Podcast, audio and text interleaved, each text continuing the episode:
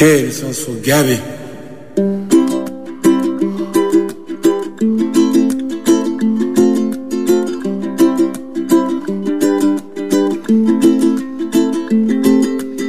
íntimament, amb Maria López.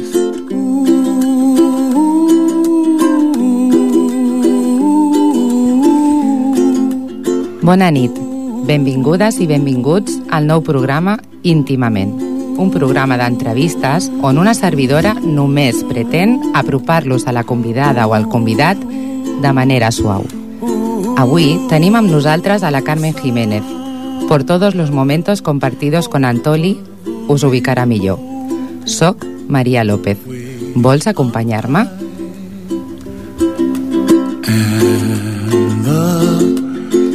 Comença íntimament.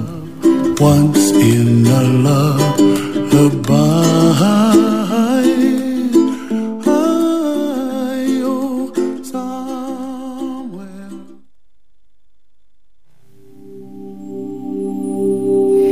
Obstáculos de Jorge Bucay. Voy andando por un sendero. Dejo que mis pies me lleven. Mis ojos se posan en los árboles, en los pájaros, en las piedras. En el horizonte se recorta la silueta de una ciudad. Agudizo la mirada para distinguirla bien. Siento que la ciudad me atrae. Sin saber cómo, me doy cuenta de que en esta ciudad puedo encontrar todo lo que deseo. Todas mis metas, mis objetivos y mis logros. Mis ambiciones y mis sueños están en esta ciudad. Lo que quiero conseguir, lo que necesito, lo que más me gustaría ser, aquello a lo cual aspiro, a que intento, por lo que trabajo, está en esa ciudad. Sin dudar, empiezo a caminar hacia ella. A poco de andar, el sendero se hace cuesta arriba. Me canso un poco, pero no me importa. Sigo. Diviso una sombra negra más adelante en el camino. Al acercarme, veo que una enorme zanja me impide mi paso. Temo, dudo. Me enoja que mi meta no pueda conseguirse fácilmente. De todas maneras, decido saltar la zanja. Retrocedo, tomo impulso y salto. Consigo pasarla. Me repongo y sigo caminando. Unos metros más adelante aparece otra zanja. Vuelvo a tomar carrera y también la salto. Corro hacia la ciudad. El camino parece despejado. Me sorprende un abismo que detiene mi camino. Me detengo. Imposible saltarlo. Veo que a un costado hay maderas, clavos y herramientas. Me doy cuenta de que está allí para construir un puente. Nunca he sido hábil con mis manos. Pienso en renunciar. Miro la meta que deseo y resisto. Empiezo a construir el puente. Pasan horas, o días, o meses. El puente está hecho. Emocionado, lo cruzo. Y al llegar al otro lado, descubro el muro. Un gigantesco muro frío y húmedo rodea la ciudad de mis sueños. Me siento abatido. Busco la manera de esquivarlo. No hay caso. Debo escalarlo. La ciudad está tan cerca. No dejaré que el muro impida mi paso. Me propongo trepar. Descanso unos minutos y tomo aire. De pronto veo a un costado del camino un niño que me mira como si me conociera. Me sonríe con complicidad. Me recuerda a mí mismo cuando era niño. Quizá por eso me animo a expresar en voz alta mi queja. ¿Por qué tantos obstáculos entre mi objetivo y yo? El niño se encoge de hombros y me contesta, ¿por qué me lo preguntas a mí? Los obstáculos no estaban antes de que tú llegaras. Los obstáculos los trajiste tú. Buenas noches, Carmen, y bienvenida a mi estreno. He querido que tú fueras la primera en inaugurar íntimamente, porque, Carmen, tú has conseguido que muchas personas te lean a través de las redes sociales y te conozcan íntimamente, aunque no personalmente. Hace 33 meses y una semana que perdiste a Antoli con 19 años y tu vida, vuestra vida, cambió. Hola María, buenas noches. Buenas noches, guapa. Carmen, ¿qué fue lo que te movió a escribir? Pues me movió mi hijo. Mi hijo y las ganas de seguir de una manera un poco en contacto con él, ¿no? Aunque sea, eh, no sé cómo explicarte, es como un lazo que todavía tengo con él. Es esas conversaciones de, cada noche que tenía con él y para mí es una manera de, de poder hablar de una manera que físicamente no lo tengo. Mm, es un desahogo y ha sido una gran terapia para mí. Y Carmen, ¿tú eres consciente de que hay muchísima gente que te lee, que te sigue? Porque tú tienes vídeos colgados que tienen 1.500 visitas, tú tienes un blog que tiene alrededor de 42.000 seguidores y no solo en España, sino en Estados Unidos, en México. Sí. O sea, mm, yo creo que esta escritura ha generado un movimiento eh, que es positivo. Sí, bueno, yo me hice una promesa y le prometí a mi hijo que lo conocerían en todo el mundo. Y creo que lo estoy consiguiendo. O sea que ese es tu objetivo Sí, cuando escribes. que no lo olvidaran. Pero a ti, Carmen, ¿esto no te ha servido también de terapia? Sí, ha sido mi prácticamente mi terapia, porque yo ni he, ni he ido a psicólogos, ni, ni he tomado tratamiento. El escribir ha sido mi terapia. Pero tú no estás acudiendo o con tu familia a algún tipo de terapia familiar. Mm, sí, em, desde el principio hemos estado yendo al grupo de Nuevo Horizon, de aquí de Ripollet, que es mm, el duelo de, de papás que también han perdido hijos. Y bueno, allí nos juntamos muchos papás de, de muchos sitios, pero mm, les estoy muy agradecidos, me han ayudado mucho, nos ayudamos porque todos estamos en la misma situación y nos entendemos. Pero mm, yo reconozco que mi gran terapia ha sido escribir, escribirle a mi hijo.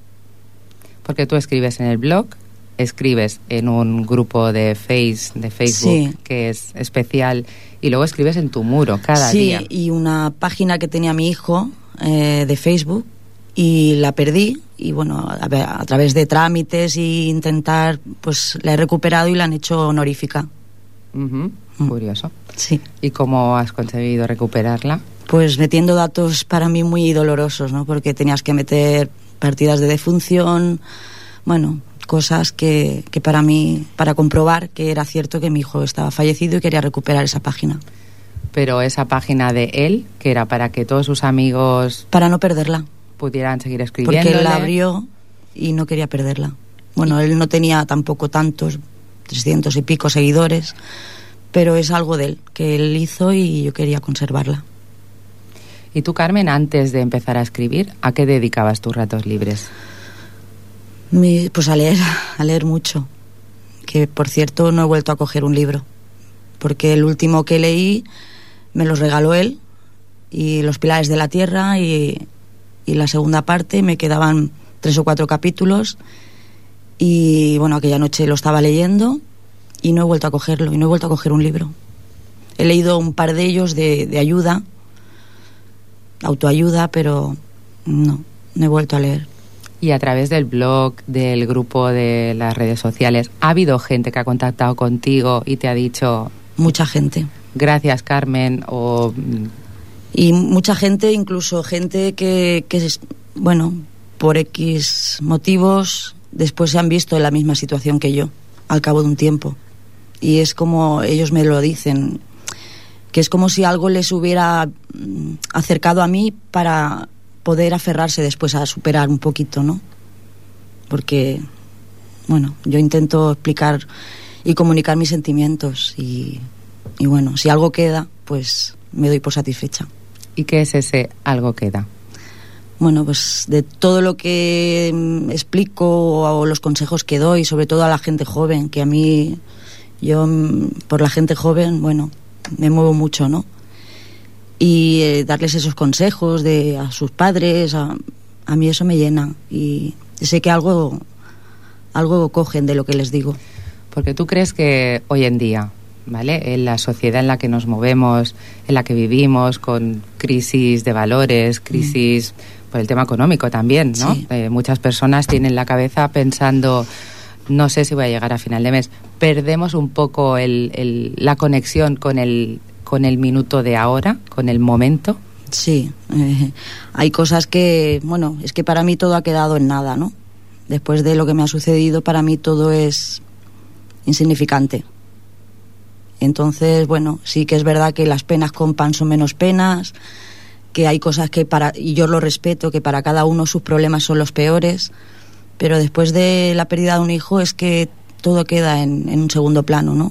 Y yo escucho a las personas y, y las entiendo, pero es que para mí no hay nada peor. De hecho, en nueve meses perdí a mi padre y después a los nueve meses a mi hijo. Y a mi padre lo quería con locura, pero es que sinceramente es que me acuerdo muy vagamente, porque mi hijo me ocupa todo ese dolor. ¿Y ese dolor se compensa de alguna manera? Sí, viendo cómo lucha mi otro hijo y mi marido. Sí.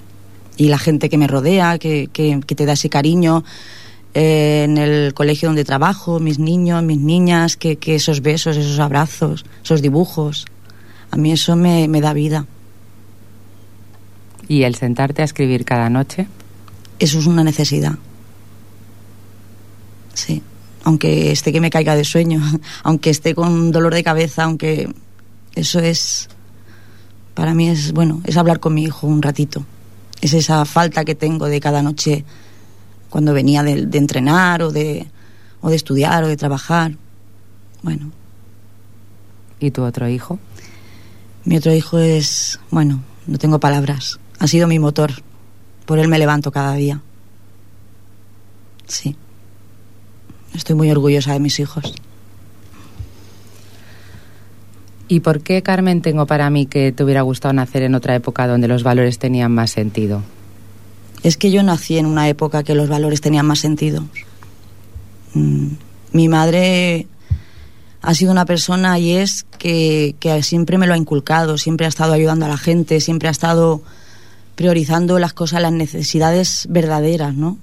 El conformarte con poquito, el dar lo que no tienes o todas esas cosas a mí me las ha inculcado mi madre y, y yo, bueno, pues intento hacerlo, ¿no? ¿De qué manera intentas hacerlo? O sea, transmitiéndolo, porque tú cada noche te sientas y le escribes a él Sí, y hablas de tu día a día. sí, Y en tu blog hablas de tu día a día y de tu pasado con en familia, por decir algo, ¿no? O sea, teniéndolo presente, intentando que ese recuerdo siga vivo. Entonces, ¿cómo hilas ahí los valores? Pues yo creo que es que cuando yo me siento a escribir no pienso que lo está leyendo nadie. Estoy escribiéndole a mi hijo y somos dos, nada más. Me doy cuenta cuando después a veces hacen comentarios o, o en el blog o me mandan mensajes privados. Entonces me doy cuenta que realmente es una labor que, que hay gente que se está dando cuenta de lo que, lo que verdaderamente merece la pena, ¿no? Que es el vivir el minuto, el segundo con tu familia, con los que quieres, con lo que te llena, que es lo que te da vida. Lo demás es pasajero. ¿Y te hubiera gustado ser invisible durante un tiempo, Carmen? Pues sí, en más de una ocasión. Sí. Pero- Sobre todo, yo empecé a trabajar a los, bueno, a los pocos días de, de, de perder a mi hijo, muy poquitos días, no hacía ni, ni un mes. Y trabajar en un colegio es sumamente difícil cuando estás con niños y en una situación así. Y la verdad es que lo pasé mal Mm, pues porque por esas miradas a veces que que yo sé que la gente lo quiere hacer es que la gente no sabe qué hacer en esa situación no saben si acercarse si no acercarse si decirte si no decirte es muy difícil y a veces sí que me hubiera gustado ser invisible No hay doctor que me retenga. Y no hay dolor que me detenga. No hay planeta que me eclipse. O de tu lado me desvíe. Del clamor no dependo. Del halago me desprendo. No hay error que me resigne, ni un porqué que me empecine. No hay rencor que me dé frío, no hay amor como este mío. No, tus acciones te definen. El destino es quien camine. No, no hay temblor que me delate. No hay distancia que esté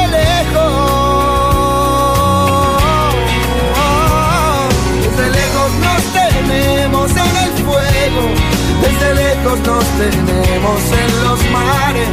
Desde lejos yo te siento amor. Desde lejos nos tenemos en los huesos. Desde lejos nuestros cuerpos se hacen aire. Desde lejos yo te puedo amar. Desde lejos nuestro amor será leyenda. Oh, desde lejos hablarán. Este amor que es de leyenda van a hablar.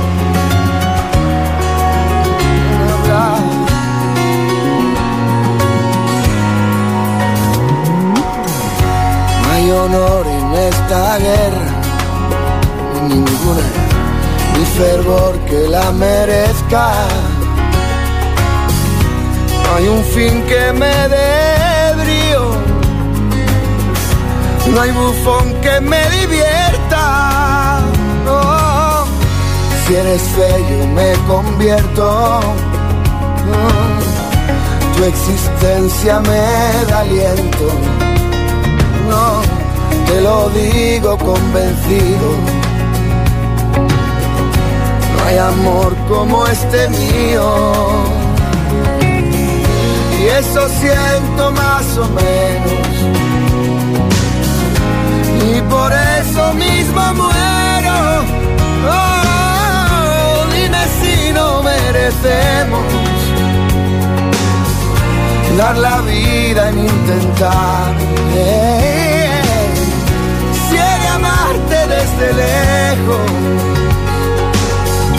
quiero hacerlo hasta el final. No,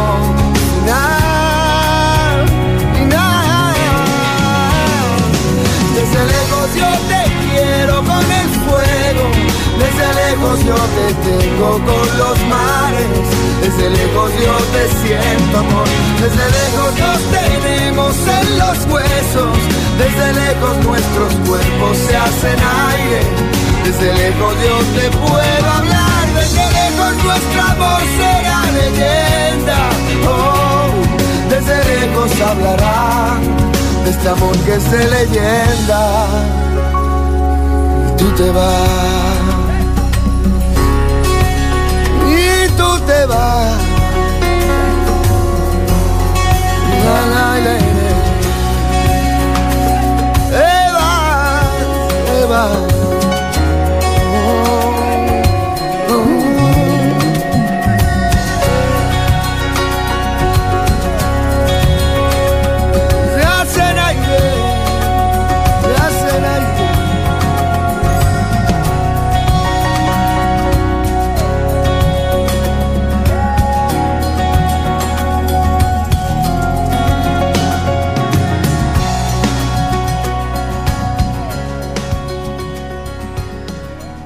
Esteu escoltant íntimament.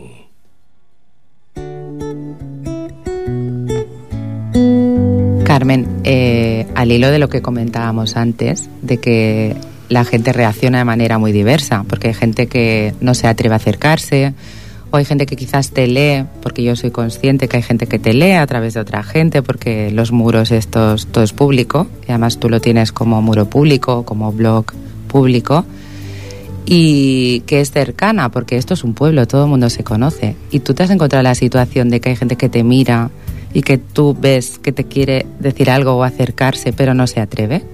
Pues sí, hay gente que me mira, hay gente que me saluda, no sé ni quiénes son.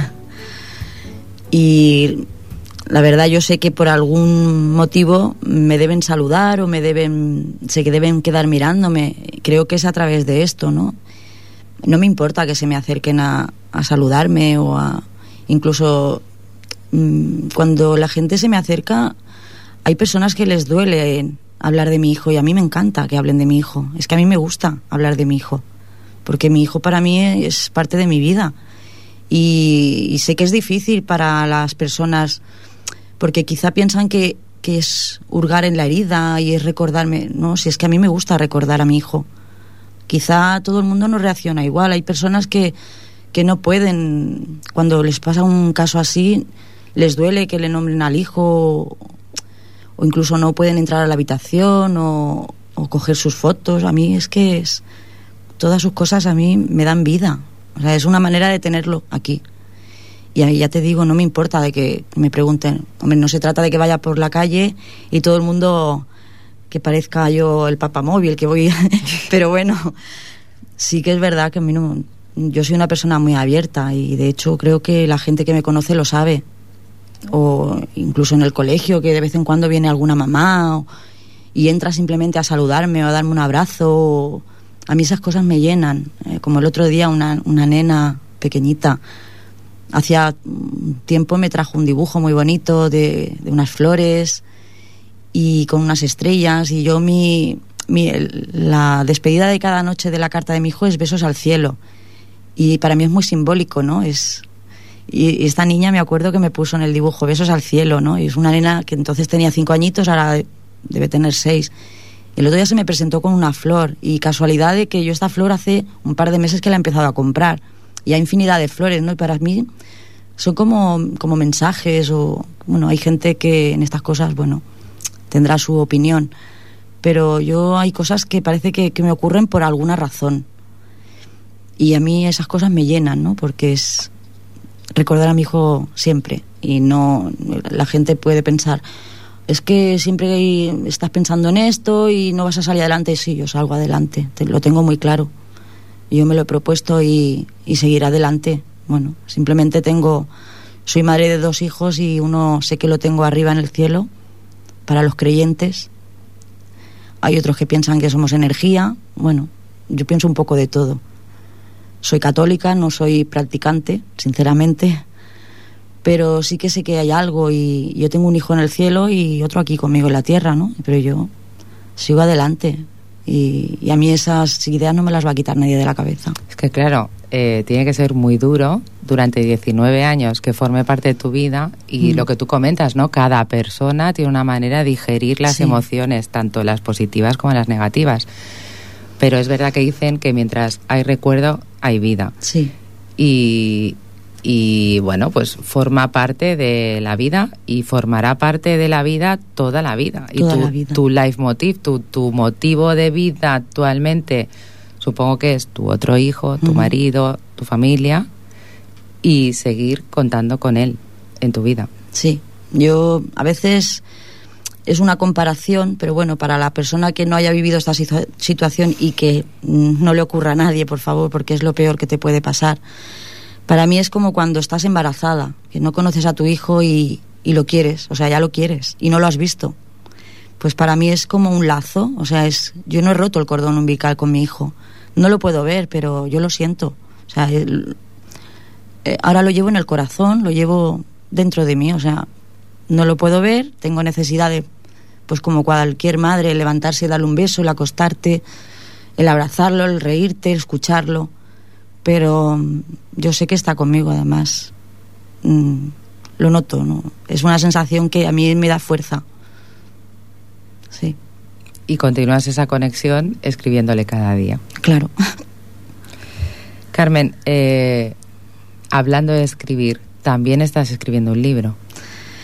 Sí, bueno, estoy en ello. Lo que pasa que es muy difícil porque lo empecé el primer año y el año pasado volví a cogerlo otra vez. Normalmente lo suelo coger en vacaciones, que tengo dos meses y medio de vacaciones.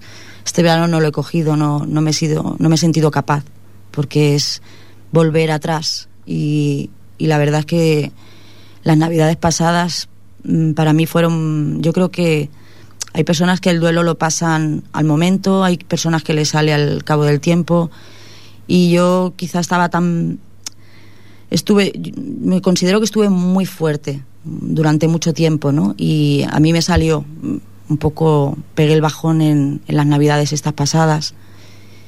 Y bueno, y, quería empezar el curso estando un poco fuerte y lo que no me podía permitir era este verano volver a coger ese libro y, y caer un poquito, ¿no? Entonces, bueno, tengo todo el tiempo del mundo, lo volveré a coger. Tienes toda la vida por delante. Sí, y si Dios quiere lo, lo editaré. Si puedo y si tengo la oportunidad, ¿no? Si no, bueno. Dicen que toda mujer debe de ser madre, escribir un libro y plantar un árbol. Pues yo he sido madre y he plantado un árbol que está en el campo de fútbol de Ripollet y, y bueno, y estoy en, es- en ello del libro. Vamos a hablar del fútbol. Vale. ¿Qué vínculo tienes tú con el fútbol? Bueno, yo el fútbol ha sido para mí, bueno, desde que mis hijos han sido pequeñitos, ha sido mi vida, ¿no? Porque a ellos les encantaba y han, han estado en muchos equipos y bueno, me ha dado muchas, muchas satisfacciones, muchas. Mm, Antes, durante y ahora. Y me siguen dando y las que me darán, porque antes porque disfrutaba con mis dos hijos viéndolos corriendo para allí y para acá. Eh, y durante, pues porque, bueno, los he visto crecer en el fútbol, una vida sana, conoces a muchísima gente porque el mundo del fútbol hace muchísimas amistades. Y, y bueno, eh, todavía, mira, el domingo estuvimos en San Quirsa, que es el club donde mi hijo estuvo solo cuatro meses y la verdad es que no tengo palabras de agradecimiento porque se volcaron de una manera, bueno, siguen haciéndome detalles, que si una camiseta, una bufanda, que si un álbum, que me dedicaron una página por completo a mi hijo. Eh, bueno, es que son, son especiales. La verdad es que el fútbol, el club fútbol San Quirse, para mí me ha, me ha marcado mucho, ¿no? Y bueno, y ahora pues el Ripollet también tengo muy buenas amistades, muy buenas amistades. Ahora estamos con el Pajaril, Club Fútbol Pajaril, que es, se ha hecho filial del Ripollet. Estamos ahí colaborando, incluso este, este verano en la fiesta mayor hemos estado, los papás de otro chico de Didac también han estado allí con nosotros, que los quiero muchísimo porque son dos papás también que son dignos de admirar, y su hermana. Entonces, la verdad que para nosotros, desde que faltan nuestros hijos, ha sido muy difícil pasar las fiestas mayor. Para mí era horrible. Era, yo me quería meter en un agujero y, y no oír nada, ni ver a la gente, ni reír, ni. Pero nos armamos de valor y, y bueno, estos chicos pues necesitaban una ayuda, ¿no? Para poder subvencionar cosas. Y les hemos estado echando una mano ahí en el, en el chiringuito de la fiesta mayor y la verdad es que la gente joven, nos, bueno, los jugadores nos lo han hecho pasar sumamente bien, nos han hecho reír, incluso bailar, que yo después me sentía muy mal porque de vuelta a casa íbamos incluso llorando, ¿no? Porque te hacías, decía, ¿qué he hecho, no? ¿Qué hago? Te sientes mal, pero bueno, también tengo derecho a reír, ¿no? O a estar momentos de, de felicidad, porque bueno, si la gente que está al lado mío me da la felicidad, pues tengo que, cogerla y, agradecérselo, de que me hagan pasar esos momentos. Y bueno, pues ahí estamos, ayudando lo que podemos y bueno, voluntariamente, pues la verdad es que la gente joven, yo siempre apuesto por ella, por- porque a mí me han dado mucho cariño, los amigos de mis, de mis hijos, de los dos, han estado ahí. eh, Es que yo los quiero mucho a todos. La gente joven la gente no, no piensa, lo- la gente joven tiene muchos valores, lo que pasa que todos hemos sido jóvenes y ya no nos acordamos. Pero sí que es cierto que, que también hay que escucharlos y, darles un poco de confianza y, y decirle las cosas como son, lo bueno, lo malo, hacerle ver las cosas. ¿Tú crees que a veces los sobreprotegemos para evitar Sí. que les duela la realidad y lo que estamos haciendo es perjudicarlos? Sí, yo creo un poco sí, pero bueno, de hecho a mí me pasa. Eh, Yo me queda solo Carlos y, y es pánico cuando sale o cuando mm, veo que tarda un poco más y se le ha olvidado de mandarme un mensaje o hacerme una perdida y después simplemente se lo explico y él lo entiende perfectamente. Pero bueno, lo que tengo muy claro es que el destino existe y, lo que haya de pasar va a pasar, ¿no? Lo que pasa que yo ese miedo no lo voy a perder en mucho tiempo pero sí que digo que, que los padres somos los que más queremos a los hijos y que, que la gente joven, yo se lo digo, incluso a veces por conversaciones de Facebook o, o me preguntan, y yo se lo digo, que, que lo que le digan sus padres es, es lo mejor, que es que más que ellos no los quiere nadie en la vida, aunque ellos digan, es que me rayas, es que es pesado, es que... Sí, yo también hemos sido jóvenes y nos ha ocurrido y hemos pensado, ojo mi madre, ojo mi padre, pero es que es, los queremos tanto que Pero hasta que no somos padres o madres no somos conscientes Claro. Todos vivimos por esa etapa. Claro, sí. Dice, qué pesado. Sí. Mi madre siempre me está diciendo, o mi padre, ¿no? Sí, pero es que te ocurre una cosa así y, es que estás un poco, bueno, bastante muerta en vida, ¿no? Entonces, yo incluso a veces a algunos les, les he llegado a reñir, ¿no? Decir, oye, esto, que te he visto, esto. Y bueno, no me puedo callar. Si veo algo, pues se lo digo. ¿Y cómo se lo toman ellos? Bien. Te aceptan que se lo digas. O igual los felicito, si están pachuchos, o bueno, sí, ahí estoy. Ya lo saben. ¿Cómo llevas el ver que ellos siguen y se hacen mayores? Bueno, eh, me duele un poco, un poco bastante. Yo siempre decía, eh, de broma, no le decía a mi hijo, a mi Antón le decía, tu hermano te va a pillar, tu hermano te va a pillar. Pues sí, lo ha pillado, por desgracia o por suerte. Ahí están los, las dos partes, ¿no? Yo a veces me siento mal por, haber, por decir eso, aquello que es lo típico, que a veces los pequeños siempre pasan a los mayores por, por altura por... Y en este caso se, sí. Yo cuando mi hijo cumplió los 19, mi Carlos, lo pasé fatal. O sea, fue cumplir los 19 y pasaron esos cuatro días y fue fatal porque es que eh, mi hijo fue así. Cumplió sus 19 años y a los cuatro días se fue a celebrar el cumpleaños y ya no volvió. Entonces, bueno, pero yo estoy orgullosa de ver cómo lucha mi Carlos, cómo se hace mayor y bueno, lo, lo daría todo, daría mi vida. Y lo orgulloso que debe estar él de su madre y de su padre. Espero que sí. Seguro. Espero que sí. Carmen, escógeme un recuerdo bonito que te emocione y te haga reír. Uy, tengo muchísimos, porque yo he vivido he vivido muy intensamente la infancia y la adolescencia con mis hijos y, y tengo muchos, es que no sabía qué decirte, pero sí que es verdad que una vez vine de trabajar y tendrían mis hijos, no sé, tendrían 10, 9, 7 y 9 más o menos. Y sí, por ahí rondaría la edad. Y entonces, bueno, aquello jugando como cosa de niños, en la puerta de la cocina, la, cristalera era de, es de cristales individuales, y uno por dentro, otro por fuera, total, que bueno, que tiraron un cristal al suelo y lo rompieron, ¿no? Y entonces cuando llegué a trabajar, yo no me había dado cuenta y habían puesto un papel que ponía mm, por la fuerza centrífuga de la gravedad, el cristal se ha roto. y bueno, yo me acuerdo que, que bueno, aquello fue, digo, a ver, ¿y ahora cómo le riñen, no?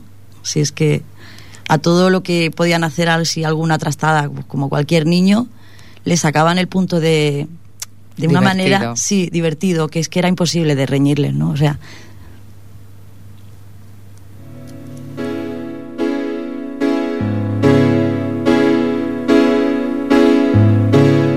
change your heart. Look around you.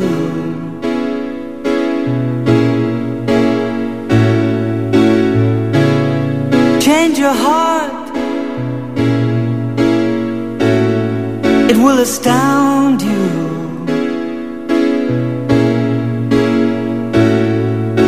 I need your loving. like the sunshine.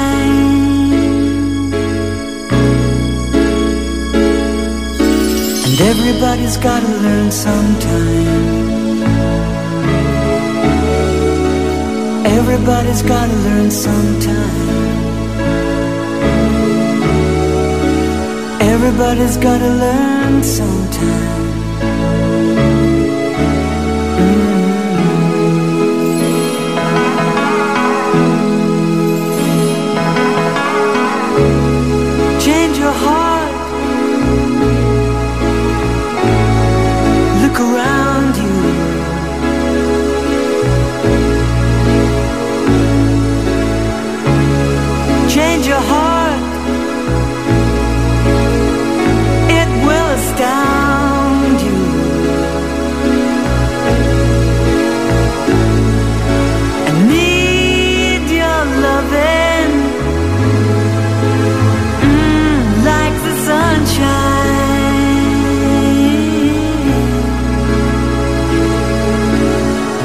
Everybody's gotta learn sometime.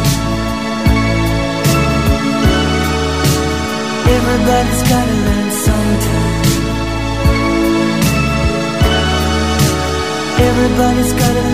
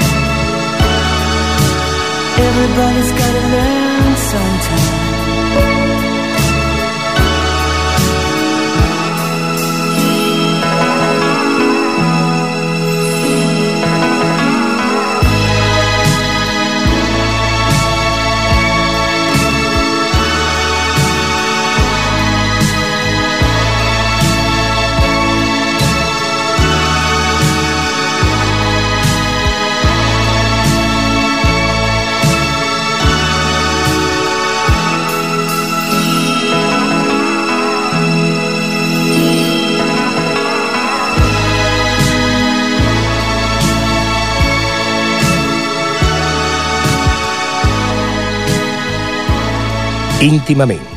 Entrevistes a Cau d'Orella. Carmen, háblame de Salva, de tu marido. Mi marido, pues es una persona, bueno, lo conocí muy jovencita, con 14 años, llevo 30 y, si no me equivoco, 32 años con él. Y si volviera atrás, volvería a estar con él. O sea, toda la vida. Y, es una persona a la que quiero mucho. La verdad es que es muy difícil, después de la pérdida de un hijo, la convivencia, ¿no? Pero ahí estamos. Cuando yo caigo, él me levanta y cuando él cae, ahí estoy yo, ¿no? Y, y bueno, eso es la pareja. La confianza, la, la seguridad y con sus altibajos, mis altibajos, estar ahí. Saber que a las duras y a las maduras. Y ahí estamos los dos. ¿Y tú crees que esto con el tiempo... Y un buen padre. Sí. ¿Tú crees que esto con el tiempo conseguiréis mm, afianzarlo, digerirlo y continuar de una manera más tranquila? Bueno, el tiempo lo dirá todo, ¿no? Yo miro atrás y, veo que he dado un, gran paso.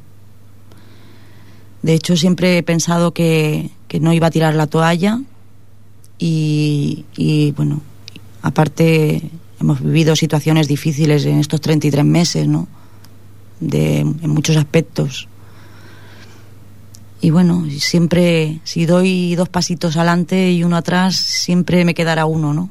Que he dado delante y, y voy a seguir así.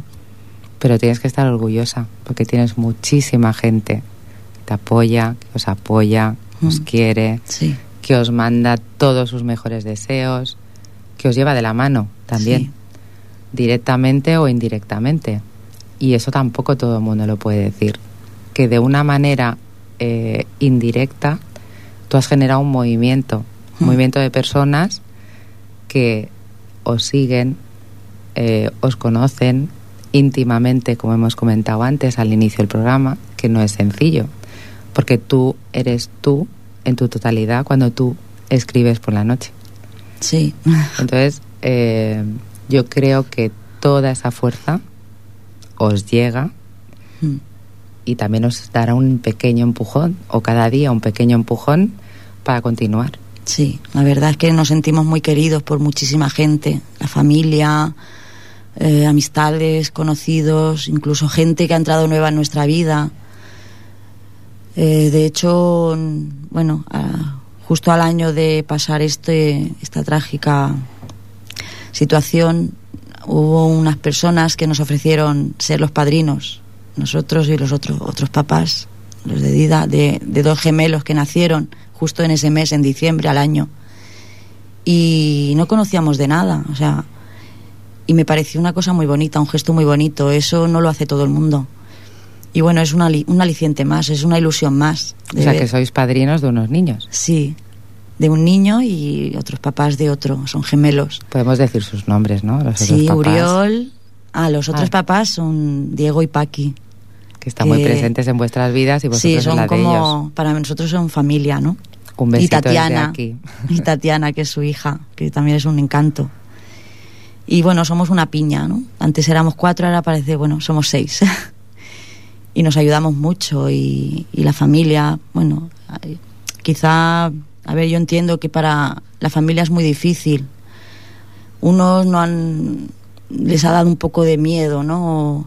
Afrontar la situación es muy dura. Yo no, no juzgo ni que lo ha hecho mejor ni peor, cada uno ha hecho lo que ha podido, pero el entorno, lo- el, el día a día son con la gente que convives, en el trabajo, las amistades, es, es tu día a día y, y yo estoy muy, muy agradecida, muy agradecida, de verdad. Aunque no sonrías mucho. Mm, Bueno, a mis niños en el colegio intento sonreírles, aunque ellos me conocen. Me conocen porque tengo la anécdota de que el primer, a los poquitos días una niña me hizo un dibujo y, y cuál fue mi sorpresa que a mí me impactó porque al ver ese dibujo la niña me había pintado toda, toda con lápiz, o sea, nada de color.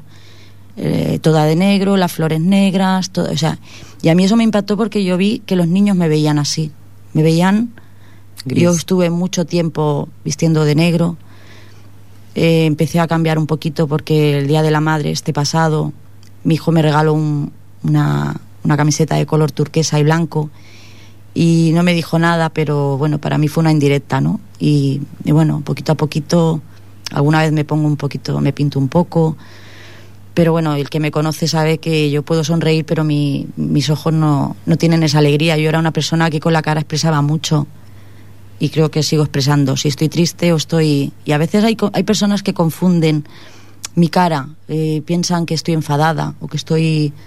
o que me ocurre algo. No, simplemente que yo estoy en mi mundo y, y tengo mi pena. Y yo mi, puedo poner una sonrisa, pero mis ojos no, no los puedo disfrazar. La mirada lo dice todo. Yo estoy convencida que Carlos te hará reír. Sí, muchísimo. Mucho reír. muchísimo, porque es un, es un chico que, bueno, me, me alegra, me alegra el día a día. Mm, Me hace cosas inesperadas y, bueno, sí, Y espero que Salva te vuelva a hacer reír. sí también, ¿eh? Sí también. Sí, sí. Bueno, Carmen, pues hasta aquí hemos llegado. Y para finalizar, quiero dedicar esta canción a Antoli, a ti, por tu valentía, a todas las personas que con su apoyo hacen que continuéis y especialmente a Carlos y a Salva. Gracias, Carmen. Buenas noches. Gràcies al meu tècnic, al Jordi Puy, i gràcies a vostès per escoltar-nos. Una servidora, Maria López, el que més li encantaria és que estiguessin amb mi al proper íntimament. Bona nit. Buenas noches. Ajá. 12 discípulos. Educando a la competencia. Ey. Este Gocalde, el Abayal. Ey. El calchanchan de calchanchanes. Oye, ¿qué fue? Estate quieto, veterano,